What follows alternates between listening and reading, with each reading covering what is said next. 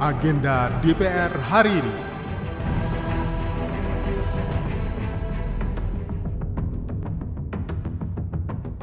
Halo, apa kabar?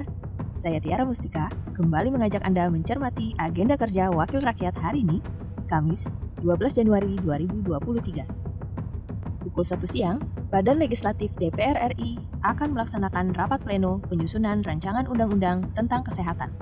Sementara Komisi 7 akan melaksanakan rapat dengar pendapat dengan Direktur Jenderal Industri Logam, Mesin, Alat Transportasi dan Elektronika, Direktorat Jenderal Ketahanan, Perwilayahan, dan Akses Industri Internasional dari Kemenperin, serta Direktur Utama PT Gunbuster Nickel Industri atau GNI. Demikian agenda DPR RI hari ini. Simak dan ikuti terus kegiatan DPR RI dan dengarkan siaran langsungnya melalui website tvr.dpr.go.id/radio.